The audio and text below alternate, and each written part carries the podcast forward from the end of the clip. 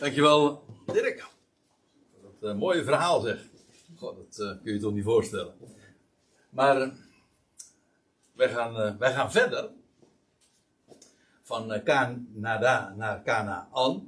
Vroeger wist ik helemaal niet dat daar verschil was tussen die twee namen.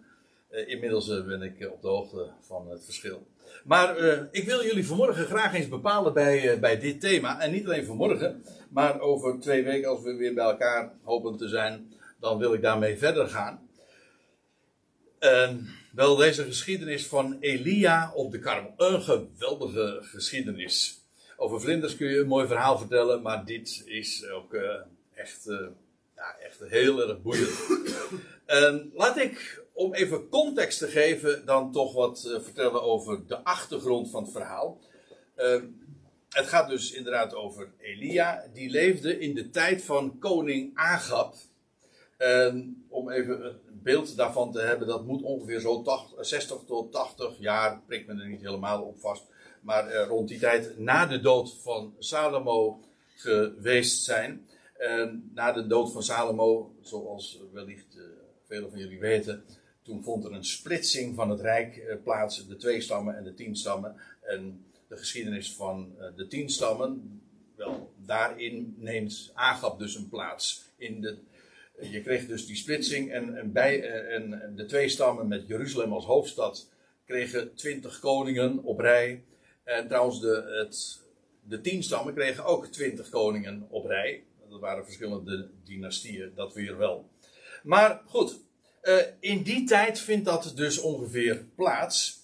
En dan lees je dat in, in hoofdstuk 17 van 1 Koningen, dat uh, Elia die had Agab aangezegd, vanwege de uh, vreselijke goddeloosheden die daar plaatsvonden, al die, al die twintig koningen van die Israël, het, de tien stammen gehad heeft, die zijn allemaal goddeloos geweest, eigenlijk zonder uitzondering. In, de, in de tijd van Agab eh, was, dat, uh, was dat bepaald niet, niet minder. Integendeel, dat, dat is eigenlijk een hele beruchte periode ook geweest. En Elia had toen, de profeet Elia, die had aangezegd: er zal deze jaren geen regen zijn of dauw in het land. Tenzij dan op mijn woord. Dat had, had hij van Gods wegen vernomen en heeft hij ook doorgegeven. En zo ging het ook. En Elia is toen vervolgens vertrokken. En uh, ja, hij uh, is in de verborgenheid eigenlijk terechtgekomen. Maar hij werd goddelijk verzorgd en uh, bewaard bij de beek Krit. Dat is daar aan de andere kant van de Jordaan. En daar had hij het toch heel goed. Want ondanks de hongersnood die je in het land kreeg, werd, kwamen er dagelijks raven bij hem op bezoek. En uh, die kon hij slachten, die, daarvoor kon hij eten en hij kon drinken uit de beek Krit. Totdat de beek Krit ook leeg raakte. Uh, het werd zo droog. En toen ging hij vervolgens uh, richting het huidige Libanon.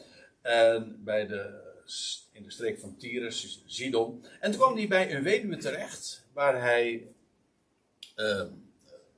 gedurende een lange tijd heeft gebivakkeerd. Bij de weduwe van Sarfat. We kennen wellicht de, de geschiedenis en daarvan ook een prachtig verhaal trouwens. Over, uh, onder andere ook over de zoon van die weduwe die overleed. Maar die werd opgewekt. Heel spectaculair.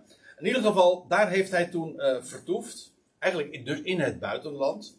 En dan in het derde jaar van de droogte. Ik ga dat de volgende keer wat meer precies vertellen. En waarom dat zo is. Want ik zal u vertellen, dat was drie jaar en zes maanden. Dat weten we dan weer uit andere Bijbelse gegevens. Maar um, ja, drie jaar, zes maanden. Ik wil u alvast eventjes opwarmen, want we gaan het zeker nog hebben over de profetische betekenissen. Want je zou het ook een aantal maanden kunnen tellen en dan zijn het er 42. Ja, oftewel 3,5 jaar. In ieder geval, in het derde jaar van droogte gaat Elia dan naar Agab toe, de koning van Israël dus. Uh, om dan regen aan te kondigen. En het is bij dit fenomeen, of bij uh, in, in, deze plek van de geschiedenis, dat we nu aanhaken in 1 Koningen 18. En ja, we gaan de tekst lezen en ik geef zo af en toe dan uh, toelichting. uiteraard bij wat er dan vermeld wordt. En dan lees je, er is nogal wat aan, aan vooraf gegaan. Hij ontmoette eerst nog Obadja, et cetera. Nou, moet het, als u daarin geïnteresseerd bent, zelf maar even lezen. Ik moet eventjes ter zake blijven.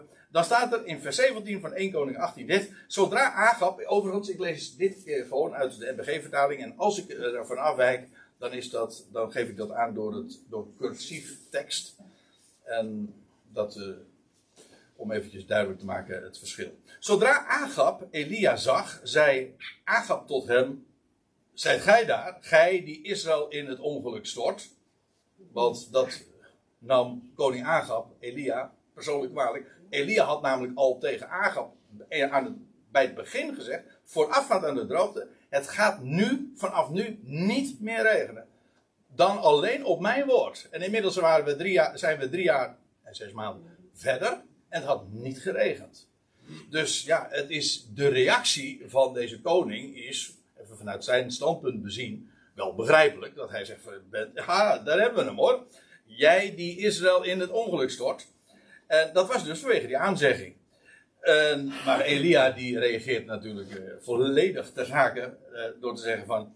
ik, ik heb Israël niet in het ongeluk gestort. Maar gij en uw vaders huis. Want uh, ik zei al, er waren verschillende dynastieën. De vader van Agab, dat was Omri.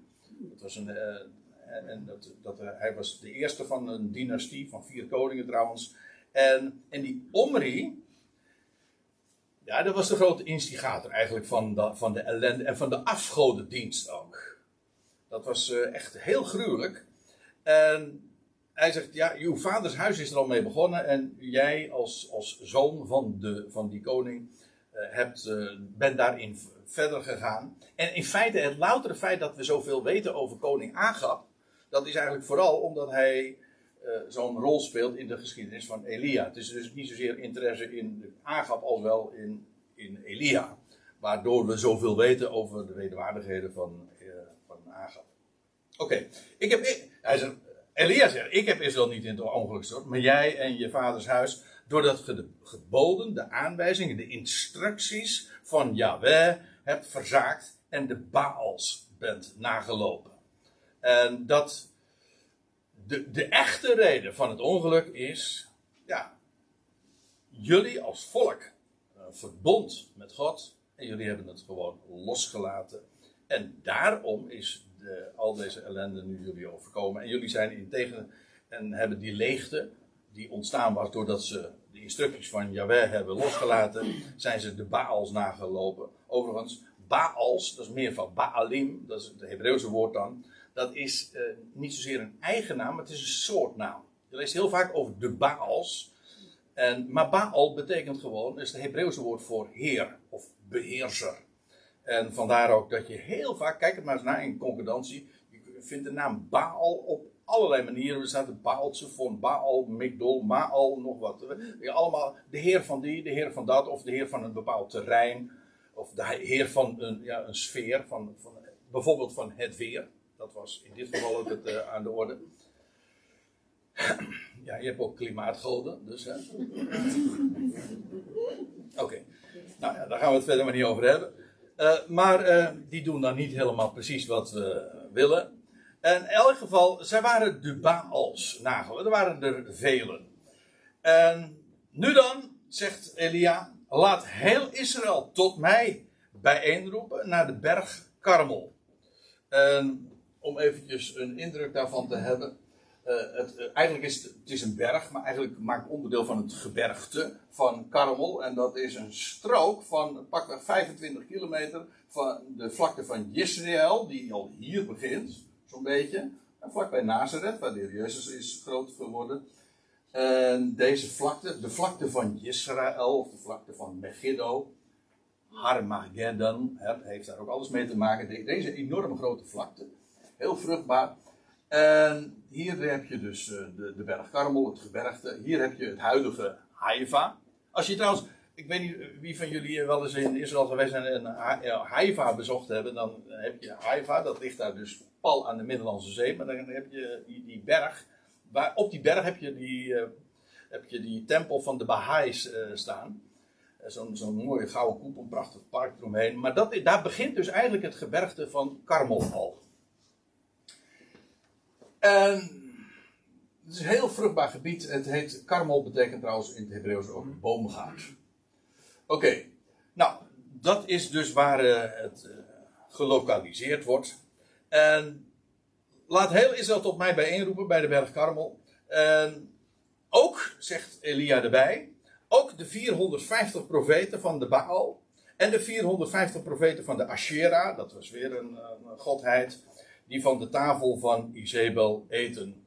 Uh, die Asherah is trouwens, uh, dat, de Asherah, dat zijn de, dat zijn, dat, is, dat zijn de gewijde palen. Dat klinkt heel netjes, maar het zijn gewoon vallen symbolen. Dus uh, je denkt dat je gekke dingen ziet op de Gay Pride of zo weet niet of u daar vaak komt, maar. Uh, dan zie je, dan zie je dat, dat soort dingen ook. Maar er is niks uh, nieuws onder de zon. Maar die vallen symbolen, die stonden daar dus ook gewoon allemaal openlijk en bloot. Maar dat maakte ook. Het was zo'n deel uit van de hele vruchtbaarheidsgodsdienst. Waarin de seksualiteit, het mannelijke en het vrouwelijke. Men, men, van oudsher heeft men wel ingezien dat het hele wonder van de samensmelting en de voortplanting iets goddelijks is. En vandaar ook de ja, die associaties. En, uh, ja, en wat Elia, die feitelijk, uh, ja, hij is daarbij de koning, maar hij, hij voert wel de regie. Hij zegt van, als je, hij, hij zegt gewoon tegen, tegen Agab, dat moet je doen. En uh, heel, laat hier bij elkaar komen, roep ze maar bij elkaar. De 450 profeten van de Baal en de 400 profeten van Asherah die allemaal van de tafel van Isabel eten. Isabel, dat was overigens uh, de vrouw van Agab. Ja. En dat was. Uh, die kwam trouwens ook uit de buurt van, van, Libanon, van Tyrus. En dat, dat, is een, dat is een vreselijk Vijf maar ook zeggen. Uh, zij was trouwens, het was een, een, een, een fake, zo echt. Want ze heeft, in feite, Agap wordt als een slappeling gepresenteerd. En Isabel, die voerde helemaal de regie. En die Isabel, die heeft feitelijk ook de afgoderij van huis uit. Want zij kwam uit een heidensomgeving. En, en Agap, dus de slechtste keuze die hij ongeveer gemaakt heeft, eigenlijk in zijn leven, doordat hij getrouwd is met Isabel. En, want daardoor is het land ook in de, in de praktijk ook in, in het ongeluk gestort. En zij heeft de afgoderij ook heel uitdrukkelijk ge, geïntroduceerd. En al die, die profeten, priesters van die afgoden, die onderhield zij. Hè. Ze aten van de tafel van Izebel. Dat betekent gewoon, het was dus feitelijk staatsgodsdienst. En ze kregen allemaal betaald door uh, de koning, uh, koningin Izebel. En dan lees je daarop, nou ja, ik zei al, Elia voert de regie. Daarop stond Agab heen. In feite door wanhoop gedreven. Hij kon niet anders. Want ja, inmiddels als het drieënhalf jaar al niet geregend heeft. Er moest wat gebeuren. En voor hem was het kennelijk wel evident. Ja, dat komt door Agab. Uh, pardon, uh, door Elia. Die dat allemaal zo had aangezegd. Daarop stond Agab heen onder alle Israëlieten en riep de profeten naar de berg Karmel bijeen. En toen naderde Elia tot het hele volk en zei: Hoe lang zult gij aan beide zijden mank gaan? Dat is uh, een wat idiomatische weergave, maar de gedachte is: uh, in feite wat wij nog zeggen in de uitdrukking hinken op twee gedachten. als je op. Je, hinkt, je, je loopt de hele tijd op één been. De, dan de ene been en de andere, de andere keer weer op de andere been. Maar je staat niet stevig, je hinkt iedere keer op een, op een ander been, maar je hinkt op twee gedachten. Het idee is, eh, ja, dan ben je feitelijk dus mank en je staat dus helemaal niet stevig. Je bent verlamd feitelijk, dat is de Hebreeuwse betekenis van het woord ook. Eh, je kan in feite, je kan, je kan niet echt goed staan. Waarom? Ja, je maakt geen keuze. Dat, zo, zeggen wij het ook. Je, je kan niet blijven hinken op twee gedachten. Op een gegeven moment moet je zeggen, links of rechtsom. Dat, dat, dat staat hier ook. Indien Yahweh God is, volg hem na. Maar indien het de Baal is, volg hem na. Wat er ook in Israël plaatsvond, is dat die twee diensten, aan de ene kant dus aan Yahweh En aan de andere kant aan de Baals, de Ashera's en hoe dat allemaal heten mag. Uh, die werden gecombineerd. Dat is altijd een hele. Dan kun je zeggen: van, waarom of of? Hè? Waarom moet je een keuze maken? Waarom kunnen we het niet? Dat, dat heet syncretisme. In het, uh, dat is een deftige woord. Hoe, dat je gedachtegoed, godsdienstig gedachtegoed bij elkaar brengt. En zegt van nou, we kunnen het ook combineren. En in feite, bijvoorbeeld wat er in de christenheid gebeurd is, is in hoge mate ook een vermenging van gedachtegoed uit het heidendom. En dan hebben we vermengd met bijbels gedachtegoed. En als je dat nou maar uh, knap genoeg doet, dan heb je eigenlijk niet meer in de gaten dat je dus ja, hinkt op twee gedachten. Het, het, het, laat zich namelijk niet mengen. Ik heb juist vorige week heb ik daar wat voorbeelden van gegeven toen ik elders sprak. Maar waarbij je dus ook het hele idee bijvoorbeeld één God, dus bijbelse gedachtegoed. Het, eh, in het heidendom kent juist daarentegen meer goden, of vele goden zelfs. En als je die bij elkaar brengt, dan zeg je gewoon, nou, dat heet, dan noemen we het drie-eenheid. hebben we, hebben en het, e- het concept van de, ene God, en het concept van meerdere goden, hebben we gewoon bij elkaar gebracht. En dan heet het, en met, met, met wat uh, woorden enzovoort, heb je dat allemaal eigenlijk gewoon wit gepleisterd. Er zijn heel wat van, van dat soort gedachten. Allemaal concepten die bij elkaar gebracht. En, maar Elia zet het heel scherp neer. Hij zegt van het is of het een of het ander. Maar die twee, eh, die combinatie, eh, dat gaat hem niet worden. Toch, en het volk antwoordde hem niks. Eh, nee, want men, men moet gewoon erkennen. Je kan, dat zegt de Heer Jezus ook in de, in de. Eh, niemand kan twee heren dienen. Dus er staat niet niemand, je mag geen twee heren dienen. Dat is het idee niet. Het, is, het idee is niet van het is moreel verwerpelijk. Dat vind ik trouwens ook. Maar daar gaat het niet om. Het, gaat, het kan niet. Je kan niet twee. Want je, je zal op een gegeven moment moet je toch echt een keuze maken. Want het blijkt niet te combineren te zijn. Oké. En uh, vandaar ook dat het volk eigenlijk hier ook niks op kon antwoorden of iets tegenin kon brengen. Voorts zei Elia tot het volk: ik ben als profeet van Yahweh alleen overgebleven. En de profeten van de Baal zijn, vier, en die zijn 450 man. Dat is dus de verhouding. Ik ben de enige, want het was namelijk zo, ja, dat lees je ook nog in het voorafgaande. Isabel had alle profeten van Yahweh gedood. Ja, die was niet misselijk hoor. En die uh, heeft er toen uh, korte metten meegemaakt. Maar ik moet erbij zeggen, er, was, eh, er waren er honderd ontkomen. En dat was die Obadja, wiens naam ik al eventjes terzijde noemde. Dat was eigenlijk de hofmaarschalk zeg maar, van koning Agab. En die diende God, maar toch niet dood. Zeg maar, uh, door daar niet aan publiek vooruit te komen. En die heeft honderd profeten nog in veiligheid gebracht. En die heeft ze bewaard ergens in een spelonk. En die onderhield ze daar stiekem. Dus er waren er nog honderd anderen. Jawel, maar in de praktijk konden die niet, geen dienst doen als profeet. Want ze waren namelijk stiekem, werden ze bewaard. Anders zouden ze ook een kopje kleiner zijn gemaakt. Dus uh, in de praktijk was Elia dus wel degelijk de enige profeet in functie, om zo te zeggen, die overgebleven was. En uh, ja, tegen een overmacht van allerlei andere profeten die, het, uh, die, die van de tafel van Izebel aten, om zo te zeggen.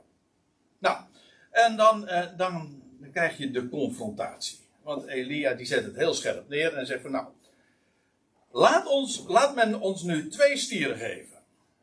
Laten zij zich uh, voor zich, de, laten zij, dus die, die club van 400. Is dit een waarschuwing, uh, Ronald? Ja, ik weet het, de, de, de tijd gaat dringen, ja. Ik ben 20 minuten nu aan het woord, heb ik. Wat tactisch, uh, Ronald, om het zo te doen. ja. Ik, zwak wel eens op plaatsje dat, dat ze een bordje uh, achterin uh, opstaken. En zeggen van zo lang, zo laat is het. Oh ja, dat was, dat was ook een duidelijk in, maar dit is nog duidelijk.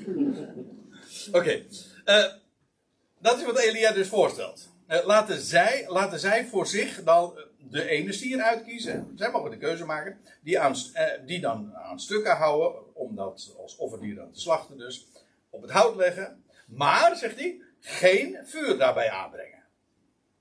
Dan zal ik de andere stier bereiden, op het hout leggen en ook geen vuur daarbij aanbrengen. Roep, roept gij, roepen jullie dan de naam van uw God aan? En ik zal de naam van Yahweh aanroepen. En de God die met vuur zal antwoorden, die zal God zijn. Nou, dat, is een, een reële keuze, nietwaar? Oké, en ja, het hele volk uh, ziet de realiteit hier ook onder de ogen. Het, het hele volk antwoorden, dat is goed. En ja, in feite, eh, dat moet ik er ook nog even dan bij zeggen, de God die met vuur zal antwoorden. In feite was dat van oudsher, want het volk wist wel dat dat zo werkte. God sanctioneert een offer, maar ook een altaar, juist door inderdaad met vuur te antwoorden. Je leest dat al eh, in Leviticus 9, dat, eh, dat bij de introductie van de tabernakel, als die in dienst genomen wordt, dat God zelf met vuur antwoordt uit de hemel. Dat, en dan het, eh, dat offer op het altaar aansteekt. En dan lees je later, een vers later, dan dat er andere priesters waren, en dat werd, werd hen zeer kwalijk genomen, blijkt, dat er priesters kwamen en die namen hadden vreemd vuur brachten vreemd vuur op het altaar. En wat is vreemd vuur? Dat is vuur dat ze zelf hadden aangestoken. Want het, eh, de hele idee is, God steekt het vuur aan. In feite, altijd dat vuur dat op het altaar was, was altijd nog het vuur van wat God had aangestoken. Dus dat vuur bewaarde men. Dus vergelijk het met de Olympische vlam. Weet je wel, die gaat dan ook door en, en dan kun je andere dingen mee aansteken, maar het is nog steeds dezelfde vlam. En vreemd vuur is wanneer je zelf iets hebt aangestoken. Ik denk trouwens ook, maar dat is een, een verhaal apart, uh, dat op deze wijze ook destijds Kain al heeft gezien dat mijn, zijn offer niet geaccepteerd werd. Meestal wordt het afgebeeld op kinderbijbels, weet je wel, dat, dat, het, dat de rook uh, niet omhoog ging in tegenstelling bij Abel. Maar ik denk dat gewoon het bijbels gezien is het verhaal veel logischer dat God zelf Abels offer heeft aangestoken, zodat het voor Kain inderdaad volstrekt evident was dat God zijn offer niet accepteerde. Oké. De God die met vuur zal antwoorden, die zal God zijn. En het hele volk antwoordde, dat is goed. Daarna zei Elia tot de profeten van Baal: Kies voor u de ene stier uit. Uh, bereid hem eerst, want jullie zijn met zoveel. Roep dan de naam van uw God aan, maar brengt geen vuur daarbij. En toen namen zij de stier die hij hun gaf, bereidden hem en riepen van de morgen tot de middag de naam van de Baal aan. Van de Baal, die Baal die zij dan in dienst hadden. En de Baal ook daar van de, van de Karmel. De, de god van de, van, van, de, van de regen. En de wind. Dus eigenlijk wel heel mooi dat ze dat juist op de Karmel deden. Want daar, daar regende het heel vaak. Hè? Dus, maar goed. Ze riepen van de, morgen, eh, van de morgen tot de middag de naam van de Baal en zeiden: Baal antwoord ons. Maar ik kwam geen geluid. En niemand gaf antwoord. En daarbij hinkte zij, weer, weer het woord hink, daarbij hinkte zij om het altaar dat zij gemaakt hadden. Dat is gewoon een soort van rituele dans. Hè. Je kunt je voorstellen hoe dat daar gegaan is. En, uh, dus ja, wij zouden zeggen van ze gingen lekker, ze gingen echt helemaal uit hun dak. En ze gingen echt heel gek doen ook. En nou ja, en dat, dat wordt leuk.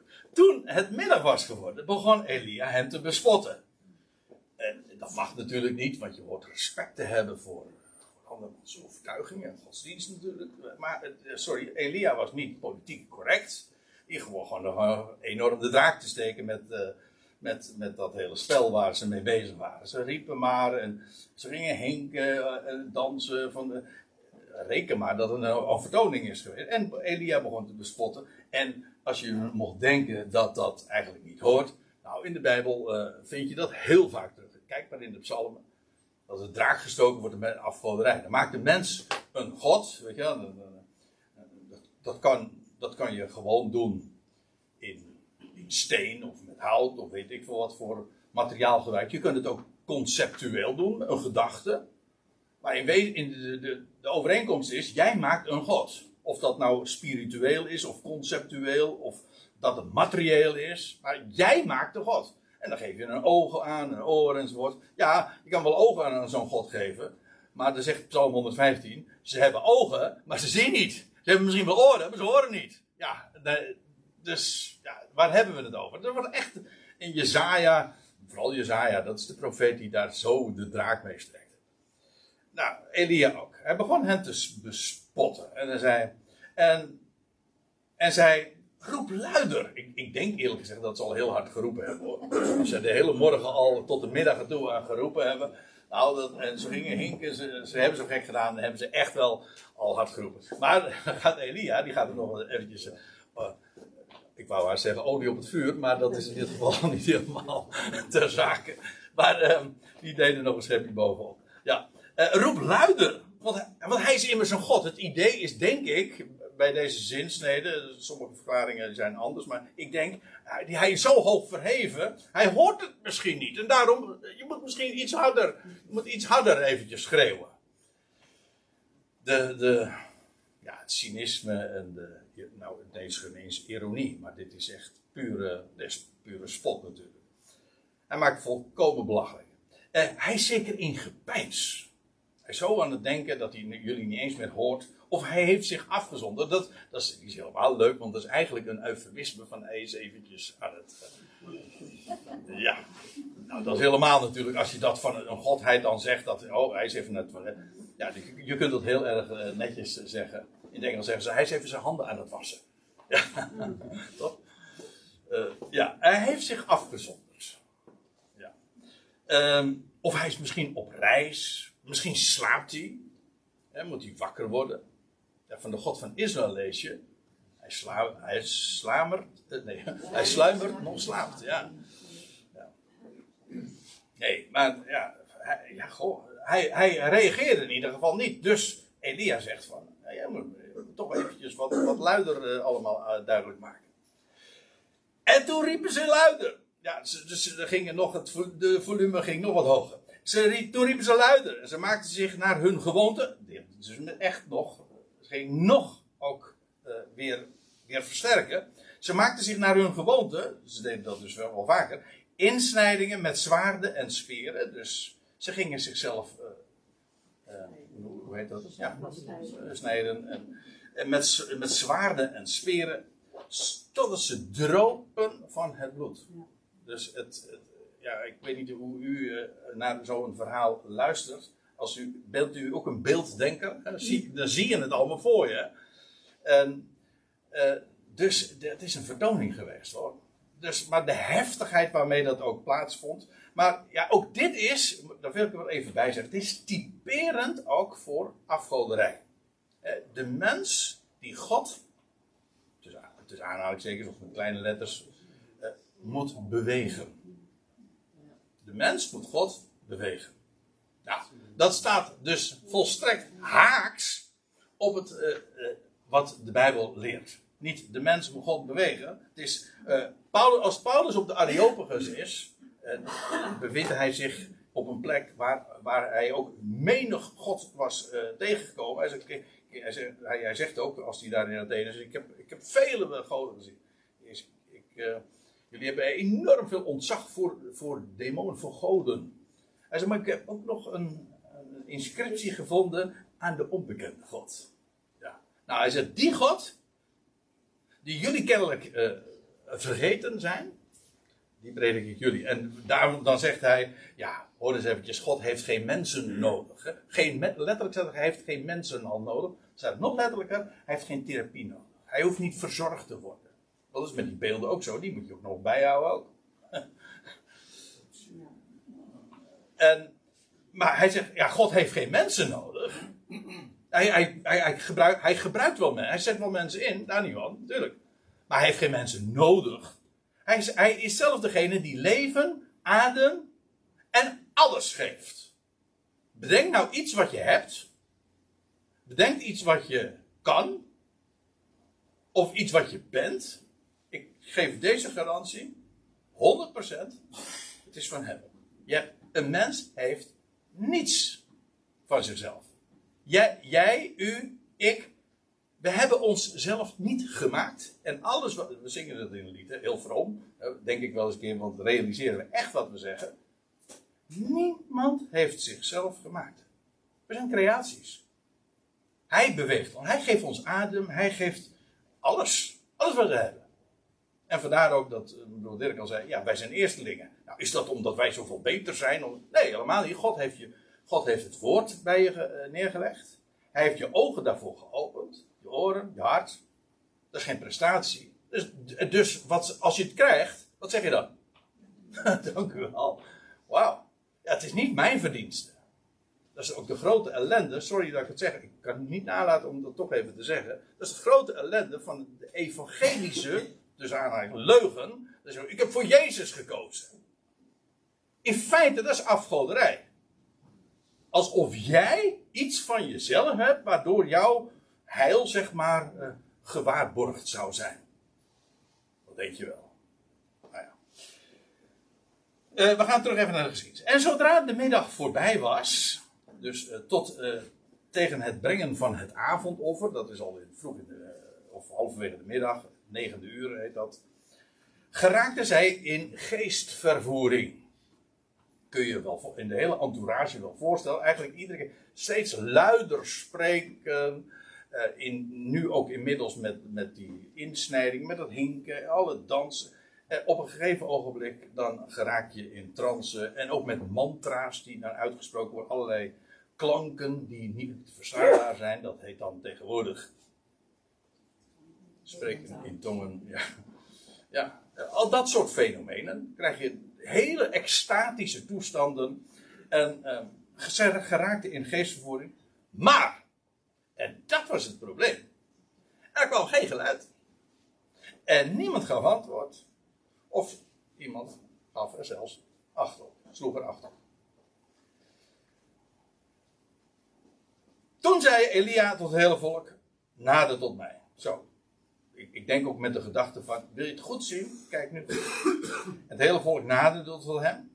En daarop herstelde hij het altaar van Yahweh, dat omvergehaald was. Ja, want je leest al, in deze hele geschiedenis al, dat Izebel, dat je leest dat in hoofdstuk 19, vers 10, uh, dat uh, ze hadden het ver, Gods verbond verlaten. En uh, had ook de altaren omvergehaald en de profeten met het zwaard gedood.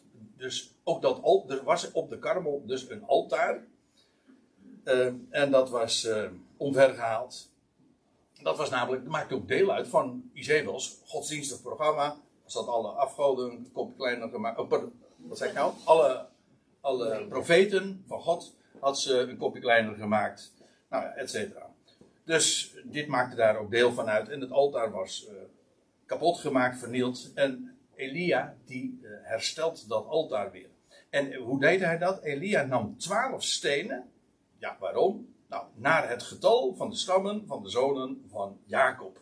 Uiteraard, hè, twaalf staat voor Israël. Overigens, dat moesten wel natuur... Dat is ook weer leuk. Dat moesten wel... Um, ja, natuurstenen zijn. Um, uh, nog e- eventjes, voordat ik daar wat over zeg, want ik heb hier nog een aantekening. Uh, het herstel van het altaar, dat geef ik nu al even als gedachte. Ik kom daar de volgende keer nog wat op terug. Maar spreekt van het herstel ook van uh, Israël. De twaalf worden hersteld en zullen tot eer van God zijn. En dan lees je, hij, uh, Elia, die bouwde met de stenen een altaar. En nu, wil, nu kom ik alsnog even bij die opmerking die ik net wilde maken. Namelijk, dat moesten, uh, dat, dat, dat lees je in Exodus 20 al, dat mochten geen bewerkte stenen zijn. Die mochten, uh, die stenen als een altaar gemaakt werd. Dat, je had het altaar in de tabernakel of in de tempel. Dat was, je had hoornen, et cetera. Maar dit zijn altaren die voor de gelegenheid dan gebouwd werden. En, maar dat mochten geen steen, die mocht niet gebouwd zijn met bakstenen, tichel, eigen baksels. En ze mochten ook niet bewerkt zijn met een houweel of zo. Dat staat heel uitdrukkelijk in Exodus 12. Ik heb hier de tekst erbij waarbij je dat terug kunt vinden. Mocht trouwens ook geen trap naar het altaar zijn. Eh, het idee is, de mens klimt niet zelf op naar dat altaar. En ook niet iets van eigen. Er mocht niets van een mensenwerk bij. Als het gaat om naderen tot God, dan komt daar geen mensenhand aan te pas. Geen bakstenen, geen houweel, niks ervan. Dus het waren stenen die God zelf in de schepping had gelegd, natuurstenen. Hij bouwde met de stenen een altaar in de naam van Yahweh. En hij maakte rondom het altaar, half ter voorbereiding, een groeve ter wijte van uh, twee maten zaad. Dat is een wat technische uitdrukking. Ik, kan, ik ga er nu niet dieper op in, maar het komt er gewoon om neer uh, in de praktijk. Het was een, een brede goot. En waarom dat zo was, nou dat zullen we vanzelf straks ook zien. En dan staat er. Um, hij schikte het hout. Hij hieuw de, de stier. Die, die ene stier dus. Die, die daar ook beschikbaar was. Uh, die hield die aan stukken. En hij legde die zo op het hout. Dus nu. Dit was nog niet het offer. Het dier was geslacht. Dus, daar zeg ik ook nog even bij. Mensen zeggen heel vaak van. Uh, of denken dat dus het slachten van een dier al het offer is, maar dat is niet zo. Niet de slachting is het offer, maar al wat er na de slachting gebeurt, als het opstijgt tot God, dat is het offer. Ik zeg het er even bij, omdat een heleboel mensen die denken dat uh, toen de Heer Jezus aan het kruis stierf, dat dat het offer zou zijn. Maar dat is niet waar. Toen werd het dier, het offer, geslacht. Maar het offer was toen hij op de derde dag verrees uit het graf en opsteeg tot God. Dat is het offer. Dat is ook voor God een liefelijke reuk, niet zijn sterven. Oké. Uh, Elia die schikte het hout, hield de stier aan stukken en legde die op het hout. En toen zei, en toen zei hij, en dan gaat hij het ook. Ik bedoel, je leest aan de ene kant het verhaal van dat het steeds opgevoerd wordt met het schreeuwen, en dat hinken en dat, uh, dat kerven in, in het lichaam en dat bloed en nou ja, dat soort dingen en die geestvervoering. Maar hier gaat Elia ook het echt opvoeren. Hij gaat het echt zo duidelijk maken, echt demonstreren. Toen zei hij: vult vier kruiken met water en giet ze uit over het brandoffer en over het hout.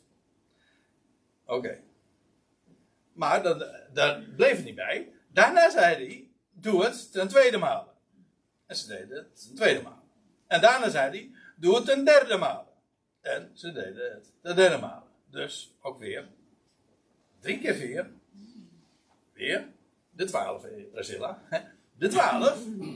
Ja, we hadden het al even over de betekenis van de twaalf. Die iedere keer. Zelfs, zelfs als, in dit geval moet je vertellen. Want drie keer vier was het dus. Nou, dan heb je dus weer twaalf. Ja. En, en ze deed het de derde malen zodat het water rondom het altaar, waar, want er was al een, een, een hoe, zeg, hoe zeg ik dat nou? Een, een groef, een, een, geul, een goot uh, gegraven. Zodat het water rondom het altaar liep. Zo, uh, zelfs de groeven vulde hij met water. Kletsnat, allemaal water. Nou, op de tijd nu dat men het avondoffer brengt. Dat is het negende uur trouwens in de Bijbel.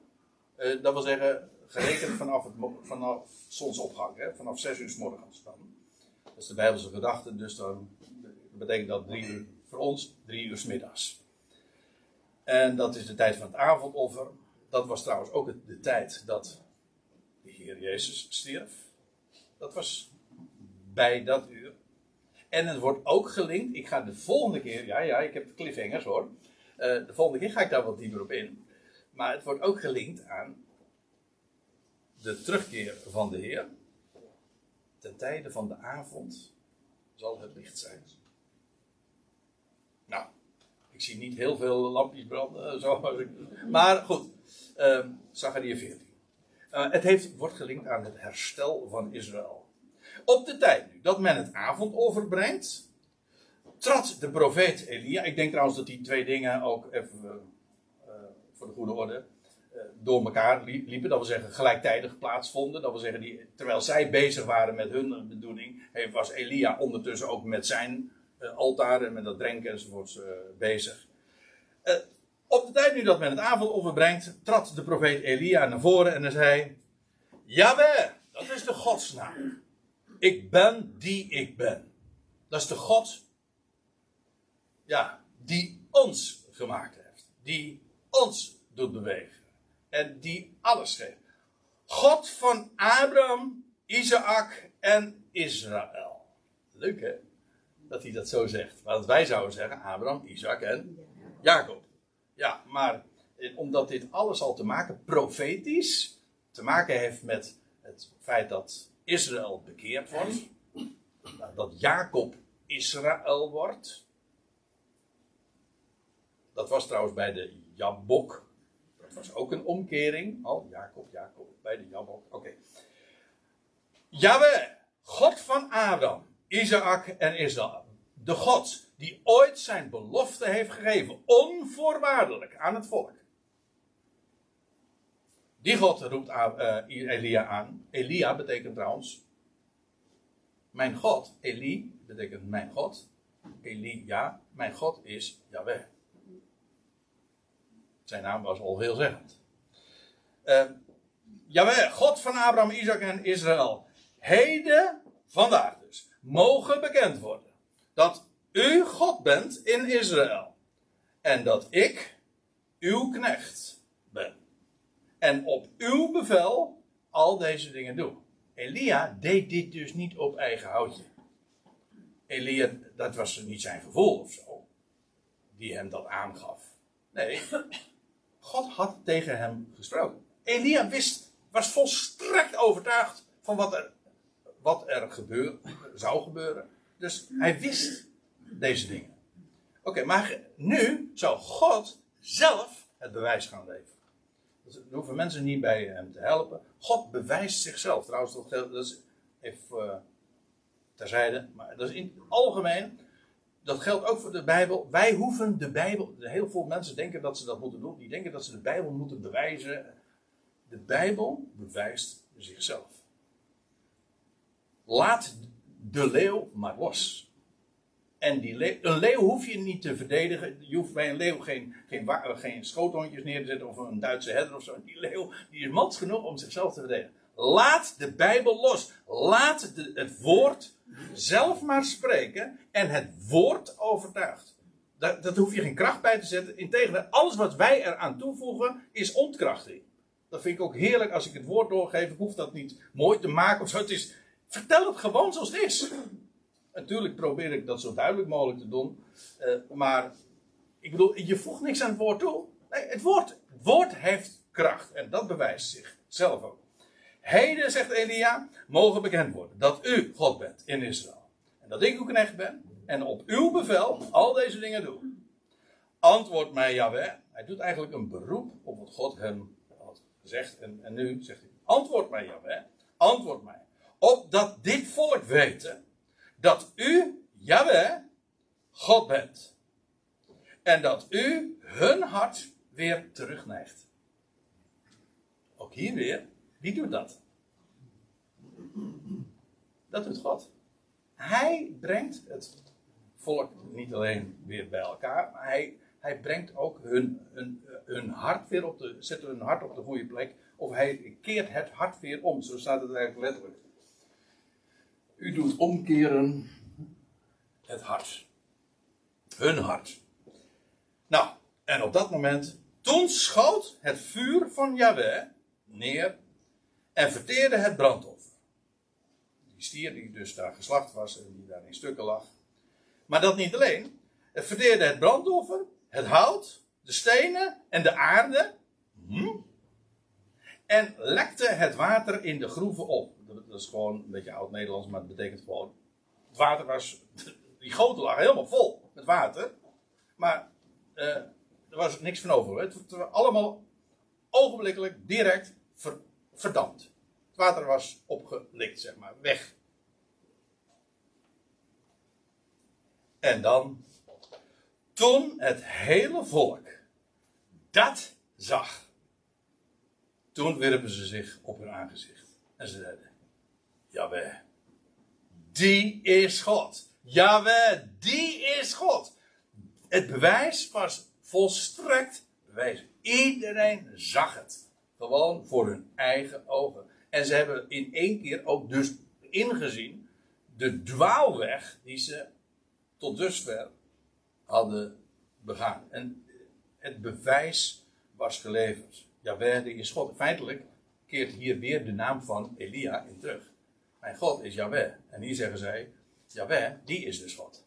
En daarmee, ja, inderdaad, hij heet terecht Elia. Ja.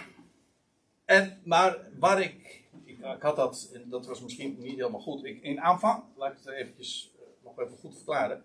In aanvang was ik namelijk van plan, Petra weet er alles van, dat ik dit uh, vanmorgen in één keer zou behandelen. De hele geschiedenis. En toen gisteren tijdens de avondmaaltijd, zei ik al van, uh, dit gaat me niet lukken. Toen zei Petra, knip het nou dan met die stukjes, want die kent mij. En, uh, maar ik had in de aankondiging gezegd, ik ga wat vertellen over de profetische betekenis. En, maar goed, dat is dan de cliffhanger. Hè? uh, want eigenlijk is dat het allermooiste. Maar dat, ik, ik kan nu alvast ver, verlappen, maar u voelt hem al aankomen, denk ik. Een aantal van u in ieder geval wel. Dit is ook profetisch. Ik heb bepaalde dingen al aangegeven. Wat er gaat gebeuren in de toekomst ik mag wel zeggen in de nabije toekomst, want de timing zoals Elia dat getimed had, en dit ook na drie jaar en zes maanden plaatsvond, wel, uh, zo gaat het nu ook weer. Wij weten de dingen. Het is nabij. En in de nabije toekomst, wat gaat er gebeuren? Dat een goddeloos Israël, ook na drieënhalf jaar, jazeker. En die geef ik er ook meteen alvast bij.